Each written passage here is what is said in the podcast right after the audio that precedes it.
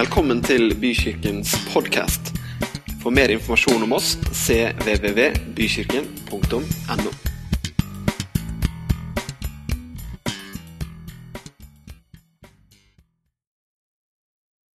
Dere, jeg skal snakke om noe i dag som eh, jeg har kalt det for himmel på jord. Og det kan jo være sånn at Når bare man nevner begrepet 'himmel på jord', så tenker noen at ja, nei, nå kommer det altså en salve med en eller annen hinsides herlighetsteologi som ingen av oss kjenner oss igjen i. Nei, skal, Ingen trenger å rekke opp hånda hvis det var det du tenkte.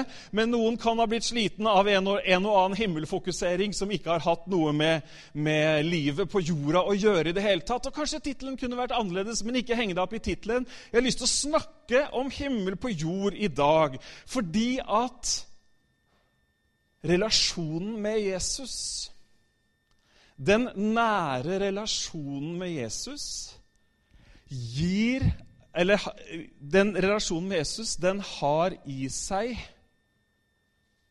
en bevissthet om det himmelske, samtidig som vi går langs den støvete veien her på jorda. Er du med på tanken? Gud har skapt deg og meg på en sånn måte at selv om vi er her på jorda, vi har den fysiske verden rundt oss, så er, også, så er, vi også skapt med en evne til å ha en hånd i himmelen. Til å ha kontakt med himmelen. Det er jeg veldig glad for. Hvis ikke så hadde det vært helt umulig å leve som en troende. Hvis ikke så hadde det vært veldig vanskelig å i det hele tatt følge Jesus.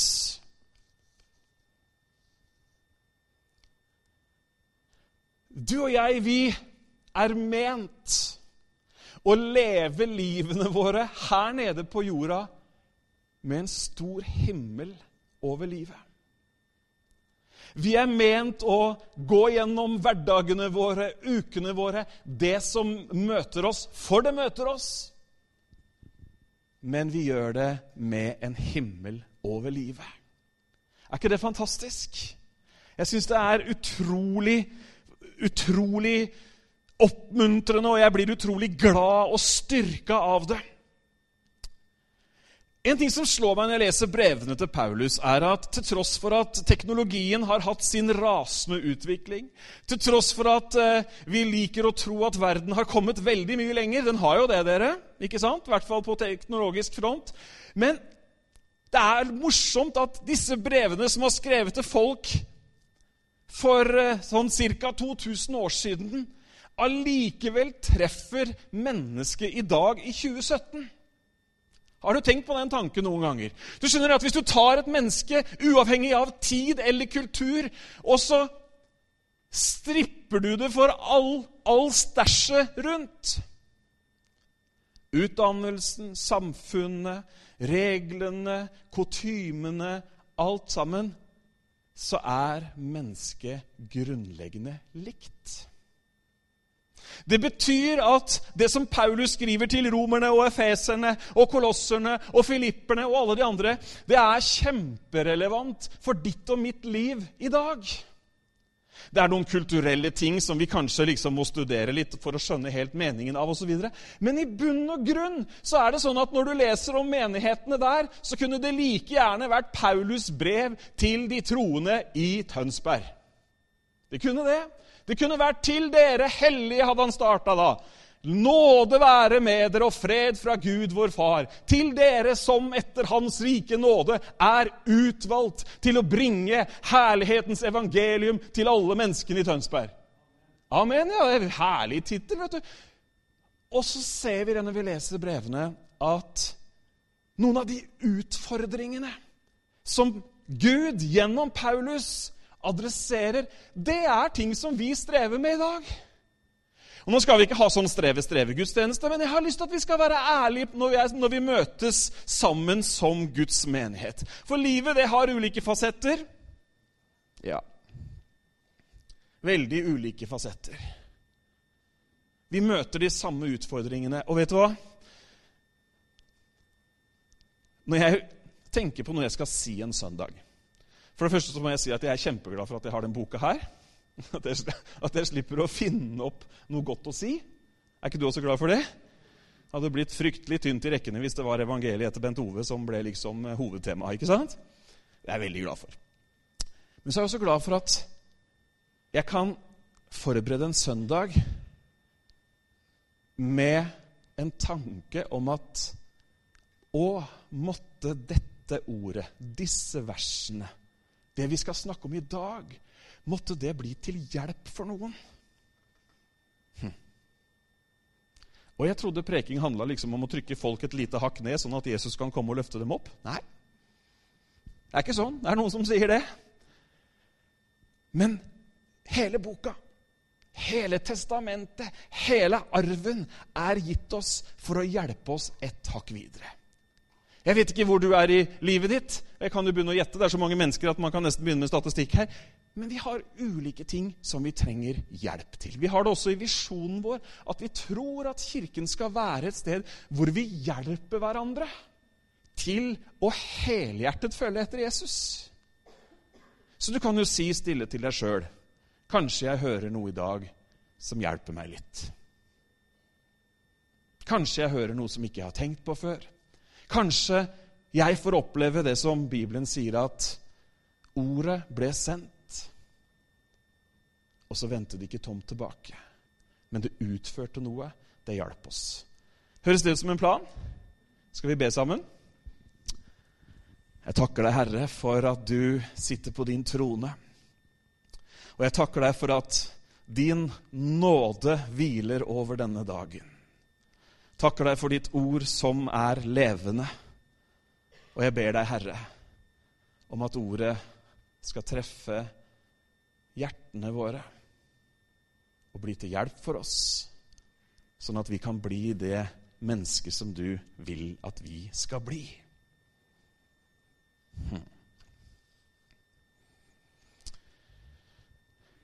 På Camp Bykirken så delte jeg veldig kort om noen om, delte jeg noen tanker om det å tenke. Mange av dere var ikke der, så eh, derfor så sier jeg noe av det samme uten at det blir det samme for de av dere som var der. Er ikke det fint? Så Ikke sånn repetisjon. Men en ting som fascinerer meg, er evnen du og jeg har til å tenke. Noen tror at det å ha en kristen tro det er å slutte å tenke. Det er helt feil. Bibelen er veldig tydelig på at vi som mennesker har en evne til å tenke. Bibelen er veldig tydelig på at vi som mennesker har en ånd. Det er den delen av oss som har blitt født på ny hvis vi har tatt imot Jesus som frelser. Det er hva skal man si, den delen av oss som kan kommunisere med Gud. Gud er ånd, osv. står det. Den som vil tilbe Gud, må tilbe Han i ånd og sannhet. Dere kjenner bibelverset. Bibelen er veldig tydelig også på at vi har en sjel. Og det er den vi skal være litt borte i dag. For sjelen vår, eller forstanden vår, eller sinnet vårt, evnen til å tenke, resonnere, gruble, finne fram til osv., og, og ikke minst viljen, ligger i sjelen. Og så er Bibelen også veldig tydelig på at vi har et, en kropp et legeme. Opp gjennom kirkehistorien så har det jo vært noen som har tenkt at den beste måten å følge Gud på, det er å fornekte legemets grunnleggende behov, og så har man forsøkt å leve et liv i askese. Det er ganske tynt teologisk grunnlag for å leve i askese. Men er det rett for deg, så må du gjerne tilbringe noen år på en spikermatte eller en påle. Men Bibelen er veldig tydelig på at disse tre tingene er deler av livet vårt og, og de henger utrolig nøye også sammen. Men tenk på det at du kan tenke. Har du noen gang satt deg ned og tenkt på at du kan tenke? Nå er det jo sånn at Vi har med oss en liten telefon i lomma som gjør at alle de der tidsrommene hvor vi egentlig har tid til å bare tenke, fyller vi veldig ofte med noen andre sine tanker eller påtrykk fra skjermen. Noen som kjenner seg igjen? Et hvilket som helst venterom på et hvilket som helst legekontor eller annet kontor, det fremstår jo bare som en reklame for smarttelefoner. For det er jo alle har det. Alle gjør det. Du burde også ha det. ikke sant? Og dette er ingen tale mot smarttelefon. Jeg bare sier at ta deg litt tid til å tenke på at du kan tenke. Du kan tenke store tanker. Det liker vi å skrive i avisene om. Mange tenker små tanker. Det finnes tanker som er har sitt opphav i sannheten, og så finnes det løgntanker. Gud vet at vi kan tenke. Hva er det som får deg til å tenke sånn som du gjør? Har du tenkt på det? Det blir mye sånn ordspill her. Har du tenkt på hvorfor du tenker som du gjør?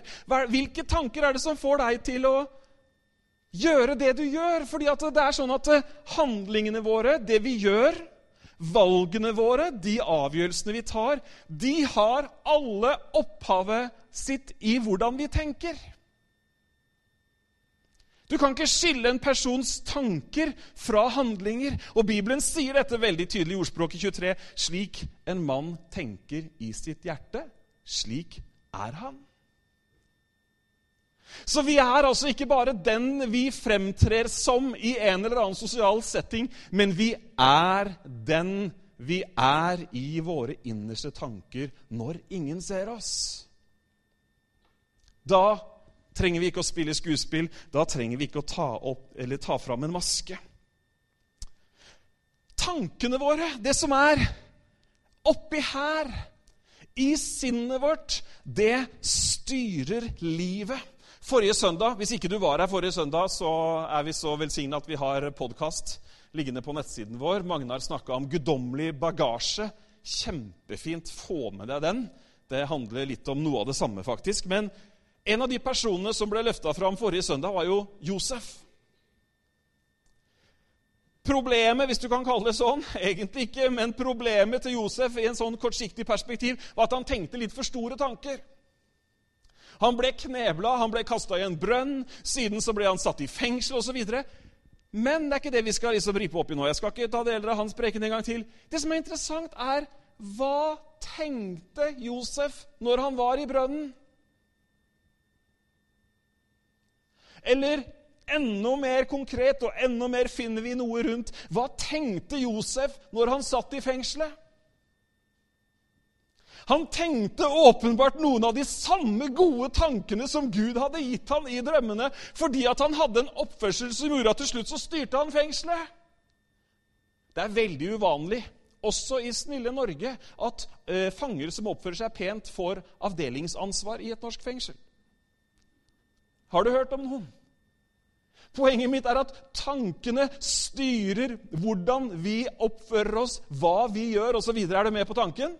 Du er med på tanken, for du kan jo tenke. Det er jo helt nydelig. Gud han vet hvordan du og jeg fungerer, og det syns jeg er fantastisk. Gud er sånn dobbeltspesialist. fordi at eh, Ikke bare det at han er skaperen, oppfinneren bak oss, sånn at han vet hvordan vi er skrudd sammen, for det vet han jo veldig vel. Det er han som har skapt oss. Oppfinneren vet best hvordan tingene sitter sammen. ikke sant? Som om ikke det er nok, så er vi også skapt lik han. Så det står at vi er skapt i Guds bilde. Så altså han har en sånn dobbel ekspert, ekspertisekompetanse på våre liv. Han har lagd oss, og så er vi lik han. Da har du mulighet til å hjelpe folk, ikke sant? Dere er veldig våkne i dag. Det er fint trenger ikke å svare. altså. Jeg har sett at et par stykker er våkne, så det er bra. Men Gud vet jo hvordan du og jeg fungerer. Og derfor, og det deilige med at Gud vet hvordan du og jeg fungerer, er at da kan han jo faktisk hjelpe oss i livene våre. Er ikke det bra, dere? Det er så utrolig bra!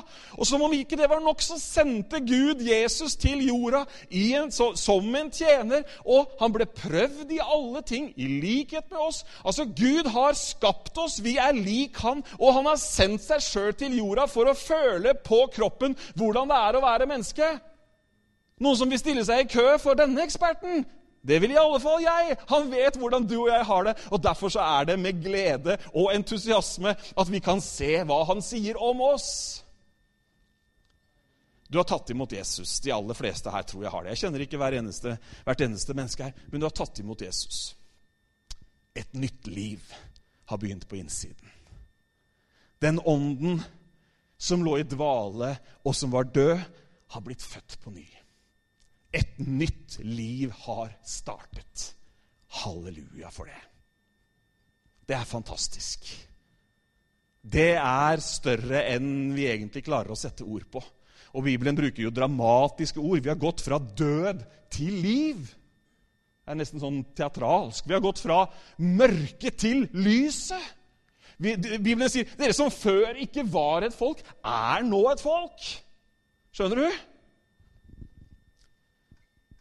Og dette er jo like sant for romerne og efeserne som det det er for tønsbergenserne. Men allikevel så skriver Paulus til de forskjellige menighetene i et tydelig lys at det er noe mer som ligger framfor dem. Vil du høre? Ja. Da skal vi gå til dagens første skriftsted, og du finner det i Efeserbrevet, kapittel 4.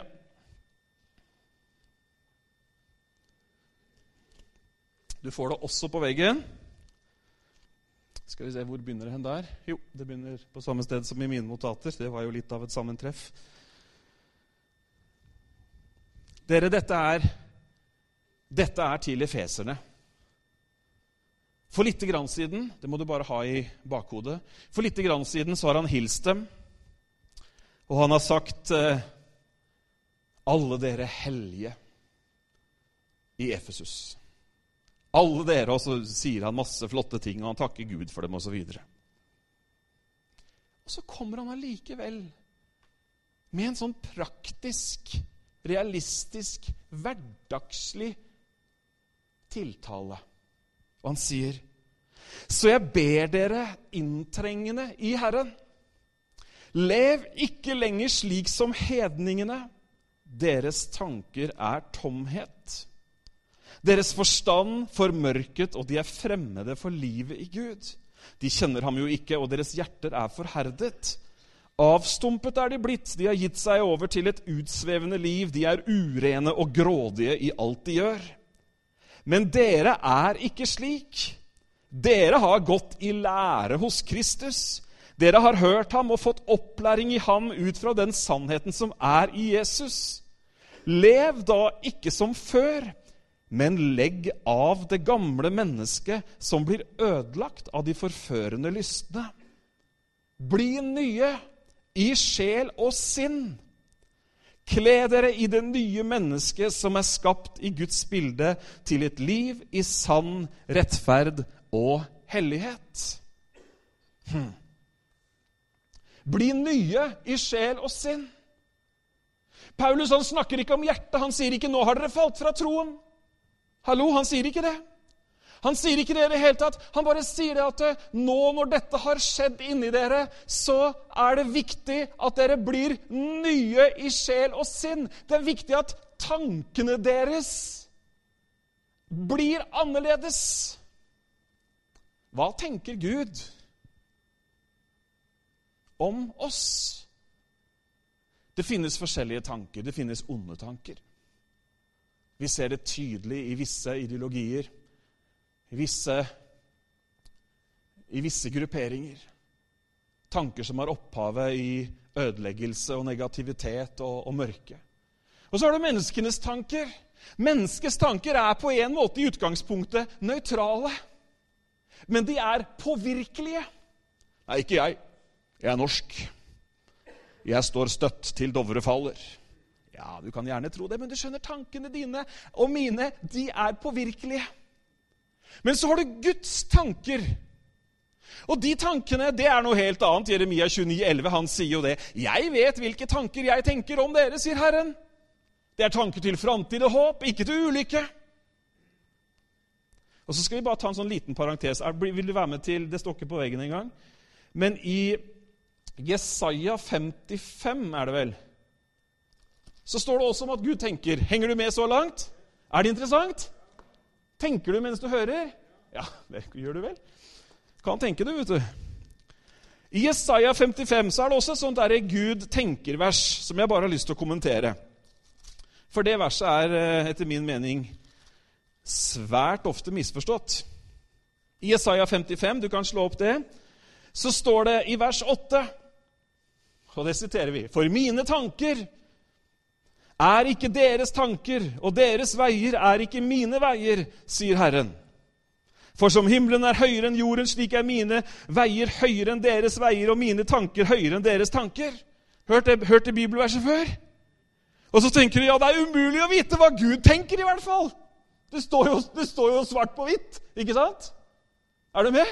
Ja, nei, hans tanker, de er så høye. Og Gud, han er Hans veier er uransakelige. Det er umulig å forholde seg til hva Gud i det hele tatt mener om noe. Det er feil, kjære venn. Hvis du skal lese dette verset, så må du ta med verset før og høre hvem det er han egentlig snakker om. For det er ikke våre tanker som gjenfødte kristne, men han sammenligner sine tanker med de ugudelige sine tanker. De som ennå ikke tror, de som ikke har tatt imot han, for det står 'Den ugudelige må forlate sin vei, og den urettferdige mann sine tanker'. La han vende om til Herren, og han skal forbarme seg over han og til vår Gud, for han tilgir rikelig. Fikk du med deg den? Det var bare sånn bonustrack. Ok, så ikke les for deg selv. Dine tanker er høyere enn mine tanker. Eh, Gud og dine veier er høyere enn Ja, de ugudelige. Men du skjønner, hele poenget er at med hodet vårt Dette er sånn der bonus, da, men mye bonus her i dag. Alt er av nåde, skjønner du. Ser at dette er helt hult? Det symboliserer ingen av oss her. Bare så det er sagt. For nå tenkte jeg nå skal han dra det langt her. Nei, det bare, det bare Litt morsomt, da. Det bare viser at uh, her er det plass til noe. Her er det plass til noe. Og Gud, skjønner du, han ønsker at du og jeg skal fylles av de tankene han har om oss. Derfor så sier han til disse kjære våre venner i Efeserbrevet at de ikke, ikke, gjør sånn som dere gjorde før. Skjønner, Det finnes en bedre vei. Det finnes et bedre liv. Du vet, Det tristeste av alt er jo å leve dette livet her på jord. Og leve det langt under pari, langt under det som Gud egentlig har tenkt for oss. Men den utfordringen jeg snakka om når jeg begynte, med at vi er på denne støvete landeveien, men har en hånd i himmelen, det er utfordringen vi står i. Og derfor så blir kampen om hva som foregår i tankene våre, særdeles viktig. Det er mange bibelvers, og vi skal se en, et annet sted hvor også dette med sinnet er tydelig. Og dette er så kjent at dere sikkert kan det utenat. Men du vet, når noe er så kjent at noen kan det utenat, så er det ekstra bra. Ok? Så her kommer det noe ekstra bra. Romerbrevet kapittel 12.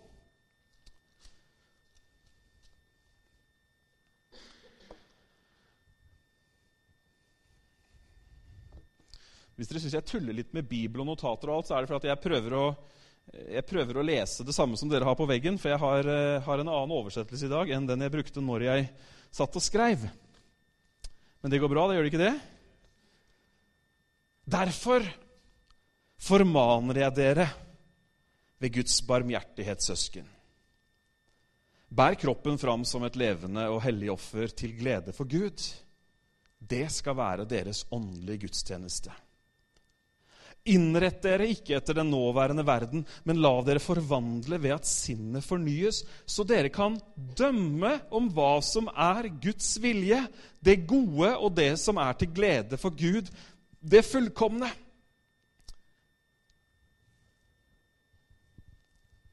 Hm. Husker dere jeg sa at Gud har noen tanker? Gud har noe som han vil at du og jeg skal vite. Ikke sant? Ofte når vi har lest det verset her, så har man slutta med ettertrykk etter det som, hvor det står 'Innrett dere ikke etter den nåværende verden'. Eller som det står i noen oversettelse 'Skikk dere ikke lik denne verden'. Og så brukte man det som en sånn advarsel mot å gå med de samme klærne som de der ute går med. Kan du tenke deg noe som misforstått? Han snakker ikke om klær. Han snakker om tankemønstre. Han snakker om sinnet. Han sier egentlig 'ikke la verdens tankegang presse deg inn i dens form'. Ja, Men er det ikke flertallet som har rett? Nei, på ingen måte. Er det ikke kulturen vår, den velutviklede ilandskulturen, forbrukskulturen og intellektualismens høyborg, er det ikke det som er den riktige tanken, da? Ikke nødvendigvis kan være mye bra i alt det jeg nevnte. Men Bibelen sier at 'kom fram for Gud'. med det du er, med ånd, med, ånd, med sjel og med kropp, og presentere deg, gi deg, som et offer.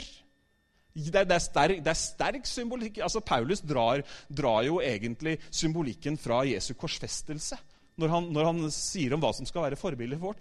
Og ikke innrett dere ikke etter verden, men la dere forvandle. Hm. Vet du forskjellen på forandring og forvandling? Forandring, for å si det litt sånn lett og folkelig, det er når du pynter på noe, og så ser det litt annerledes ut. Forvandling, det er når det bytter form. Altså, det er, ikke, det er ikke noe av larvene igjen, men det er sommerfuglen som er der. Ikke sant? Så med andre ord så er det mulig da, at du og jeg vi kan bli forvandlet ved at ved, Hvordan da? Ved at sinnet vårt fornyes. Ved at tankene våre får annen mat. For å si det på en annen måte. Vi blir forandret for, vi blir forvandlet ved at vi tenker annerledes om oss selv og andre mennesker. Derfor er det så viktig at vi fyller noe bra oppi der. Sånn at ja, vi er frelst, ja, vi har tatt imot Jesus, men så, så er det så tydelig at det legges opp at vi må legge bort det gamle. Vi må følge Kristi eksempel. Vi må høre Herrens ord. Og når vi gjør det, så begynner vi å tenke annerledes om oss selv. Dette kan være utrolig annerledes. Det kan være utrolig stor forskjell mellom menneskelige tanker og Guds tanker. Ta bare en sånn tanke som veldig mange har smakt på, og som veldig mange kjenner seg igjen i. En sånn mindreverdighetstanke som vi lett kan ha om oss selv. Jeg er ikke god nok, jeg. Eh, Sammenligna med de andre så når ikke jeg opp. Det er ingen som vil ha meg. Jeg duger ikke, jeg får det ikke til. Jeg er ikke der hvor alle andre er. Sånne tanker preger jeg vil nesten si majoriteten av folkesjela. Det er så mange tanker, selv om de kanskje ikke er så uttalt, selv om man kanskje ikke står i speilet og tar den samme lista som jeg tok nå, så allikevel så ligger det under der og ulmer. Det ligger der og påvirker livene våre, og det påvirker valgene våre, og derfor så påvirker det også hverdagene våre. Henger du med? Mange sliter med den type ting. Og det kan være andre ting som er relatert. Jeg kan ikke ta alle fasetter her. Men Guds tanker om oss er helt annerledes. Hvis vi tar inn over oss hva Gud sier om oss, hvis du tar inn over deg hva Gud sier om deg, da er det veldig lite mindreverdighet. Da er det veldig lite uverdighet. Men da er det før jeg dannet deg i mors liv, så så mine øyne deg.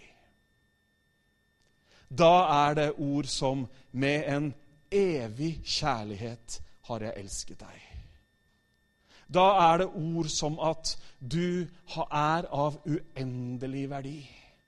Da er det ord som at du er unik og skapt i mitt bilde. Da er det sånne tanker som får fylle sinnet vårt. Og da blir også livene våre annerledes.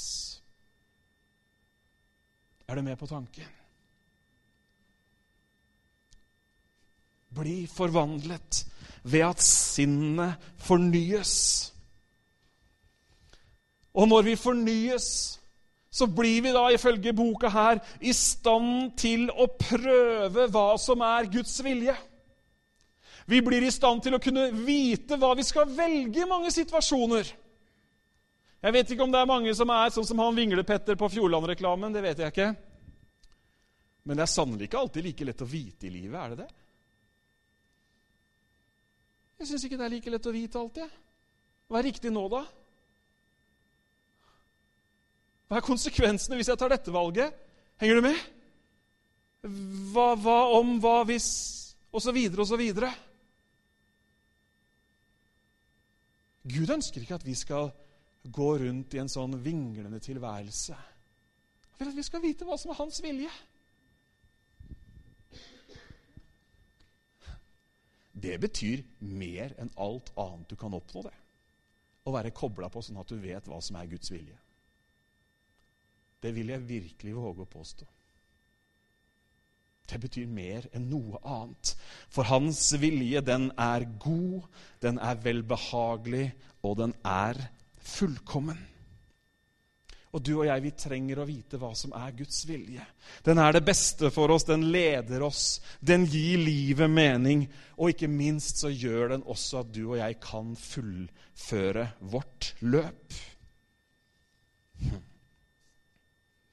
Innrett dere ikke etter denne verden.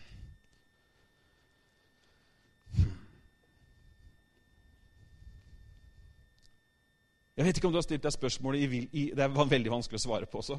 I hvilken grad er jeg påvirket, mitt dagligliv, mine valg og avgjørelser, i hvilken grad er de påvirket av de rundt meg og det rundt meg? Vet ikke om du klarer å spole tilbake og tenke på to, tre, fire valg og avgjørelser du har tatt og så samtidig klare Du har jo stor tankekapasitet, da, men samtidig klarer å på en måte Hvilke signaler var det jeg tok inn som gjorde at jeg valgte det, kjøpte det, gjorde det, osv., osv.? Ingen som trenger å komme og fortelle historien. Det er bare et interessant tankeeksperiment, siden vi kan tenke. Hvilke ting er det som gjør at vi tar de valgene og lever det livet vi gjør? Hvor ofte er det enten skjult eller veldig tydelig åpenbart at det er det rundt oss, det er den derre 'alle andre gjør det', alle andre-holdningen som faktisk preger oss?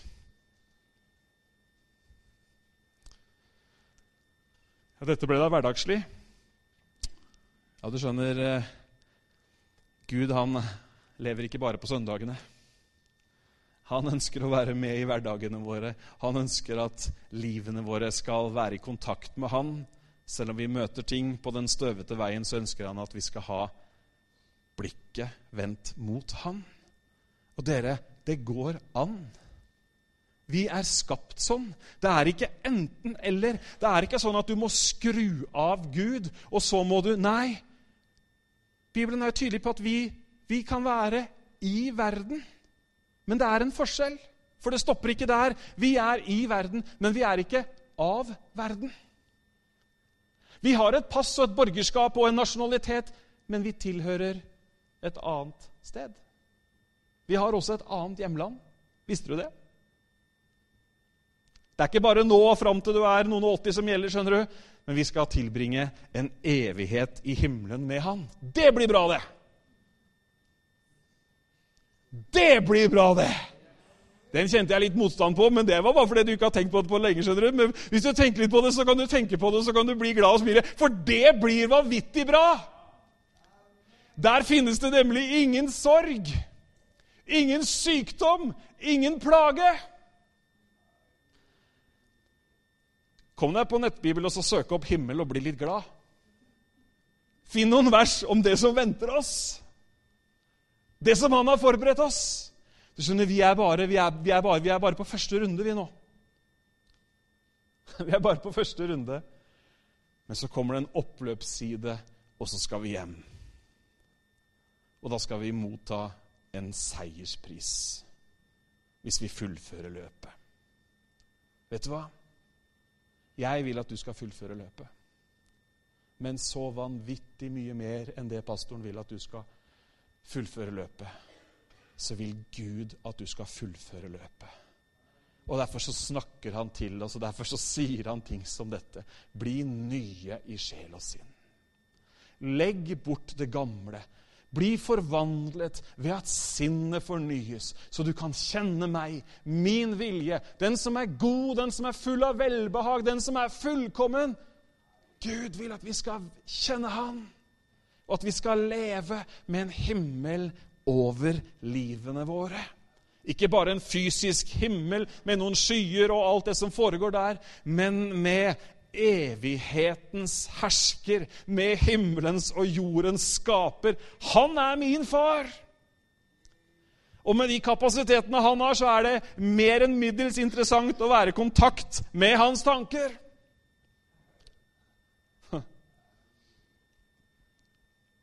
Bibelen tar, Vi snakka om løp og oppløpsside. Bibelen bruker jo akkurat det bildet på oss som troende.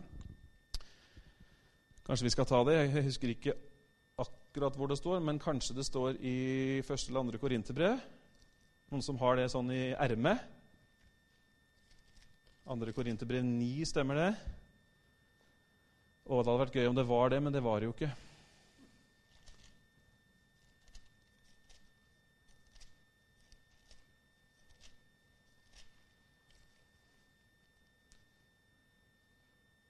Ha, det var første kor 9. Det var bra. Vet dere ikke at alle som 924, vet dere ikke at alle som deltar i et kappløp, er med og løper, men bare én får seiersprisen? Løp da slik at dere kan få den. Og hver den som deltar i kappløpet, forsaker alt annet. De gjør det for å oppnå en forgjengelig krans, men vi gjør det for en uforgjengelig. Derfor løper jeg, ikke i usikkerhet. Jeg kjemper ikke som en som slår ut i løse luften, men jeg legger tvang på mitt legeme og holder i trelldom, slik at jeg som har forkynt for andre, selv ikke skal bli forkastet. Amen. Skal vi gå inn for landing? Nei, ingen ville det? Det var den doble greia, da? Ja. Vi Du lever i håpet, du, Per Yngve. Det er bra. Vi følger etter deg. Han, du skjønner, det, det, som er litt ekstra morsomt, som ikke dere tenker på, det er at, at han sier ja til dobbel dose, er litt spesielt morsomt. For han er den som sitter etter søndagen og hører gjennom prekenen en gang til og gjør den klar til å legges ut på podkast. Så han lever jo han lever i dobbel dose, vet du. Så når en som lever, allerede lever i dobbel dose, gjerne vil ha dobbelt så lang preken, det tar vi som et godt tegn at vi er på sporet. Det er kjempebra. Må Gud velsigne deg litt ekstra i uka som kommer. Men Går det ellers bra med dere? Ja.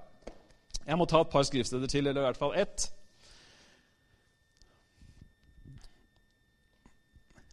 Det er jo mange måter å, å leve livet sitt på, ikke sant? Ikke, det er ikke så lett å se dette hodet, kanskje, men nå er det fronten som peker mot dere. En gang jeg var, og, jeg var ute og gikk i skauen her nylig, og så var det en kamerat som var med, og så syntes han at jeg gikk altfor fort. Og da gikk jeg sånn. Har du gått i skauen sånn, med hodet ned, for å avdekke alle mulige hindringer? Røtter, steiner, eh, sølepytter, det som måtte være. Og så, sa, og så sa han det liksom sånn der, Han sa det ikke til meg, da, men han sa det. Det er så rart. Noen går så fort når de går i naturen, at ikke de legger merke til noen ting. Så tenkte jeg, Kan du ikke si det rett til meg, da, at du syns jeg er småløper? Vi hadde dårlig tid, da. Men altså, noen ganger så kan man ha så høyt tempo i livet da, at man bare er opptatt av 'Jeg skal komme meg gjennom denne dagen'. Noen som kjenner seg igjen? Åh, når denne uka er omme! Noen som kjenner igjen den? Åh, fram til høstferien. Oh, og jeg som har jobba i skoleverket, vet du. Tiden fra høstferien er slutt til juleferien inntreffer, er jo det, det lengste strekket i et skoleår. Det er helt grusomt. Er det tolv uker det kommer opp i, eller et eller annet? Det er ganske mange uker uten en eneste helligdag. Og man liksom har en litt sånn derre Ja, nå ser jeg akkurat Alle begynner å løpe rundt. Skjer det noe spennende her? Nei. Det er jo ett perspektiv å ha, ikke sant? Er du med? At liksom man har et så høyt tempo at du er jammen nødt til å se hvor du setter foten. fordi at Hvis ikke så går du skikkelig på trynet. Altså, mister du én ting der, så går hele dominospillet. Og så kan man jo rette blikket litt sånn framover. Det er alltid lurt. Liksom, man takler hverdagen bedre hvis man kan se for seg de nærmeste dagene. Ha en anelse om hvor dette her eh, beveger seg. Det er veldig bra. Og så skal jeg lese et skriftsted for dere. Kolossene 3. Vi har det på skjermen bak der, tror jeg også. Har vi det, David? Kolossene 3. Og det første Første og andre og tredje verset. Paulus har en veldig sånn direkte måte å snakke på. Han sier da til disse her eh, som holder til i Kolosse Er dere reist opp med Kristus? Så søk det som er der oppe, hvor Kristus sitter ved Guds høyre hånd. La sinnet, tankene, viljen, resonnementene intellektet. La det være vendt mot det som er der oppe, ikke mot det som er på jorden. Kan det sies noe tydeligere, egentlig? Han anbefaler ikke en sånn kombiløsning, i det hele tatt, men han sier hvis dere nå er oppreist med Kristus, så søk det som er der oppe. Ha sinnet rettet mot det som er der oppe. Jeg tror ikke han mener at vi skal gå ut som sånne hodeløse. Men dere, det er noe med det å rette tanke, rette sinnet vårt mot de sannheter som himmelen forteller om deg. Hallo? Hva sier himmelen? Hva er signalene fra himmelen? Hva er det? Og Når jeg snakker om himmelen, så snakker jeg selvfølgelig om Gud. Hva, hva er beskjeden fra han der oppe? Hva er beskjeden han ønsker å snakke inn i livene våre? Sinnets fornyelse.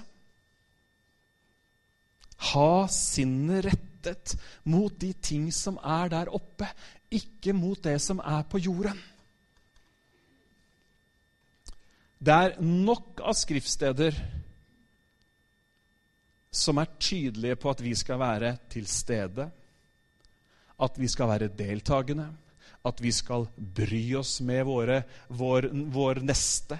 At vi skal være til stede for familiene våre, for kirka vår, for alle de tingene. Slapp av. Jeg snakker ikke om en sånn derre sinne der oppe, og så er man liksom ikke til stede her på jorden i det hele tatt.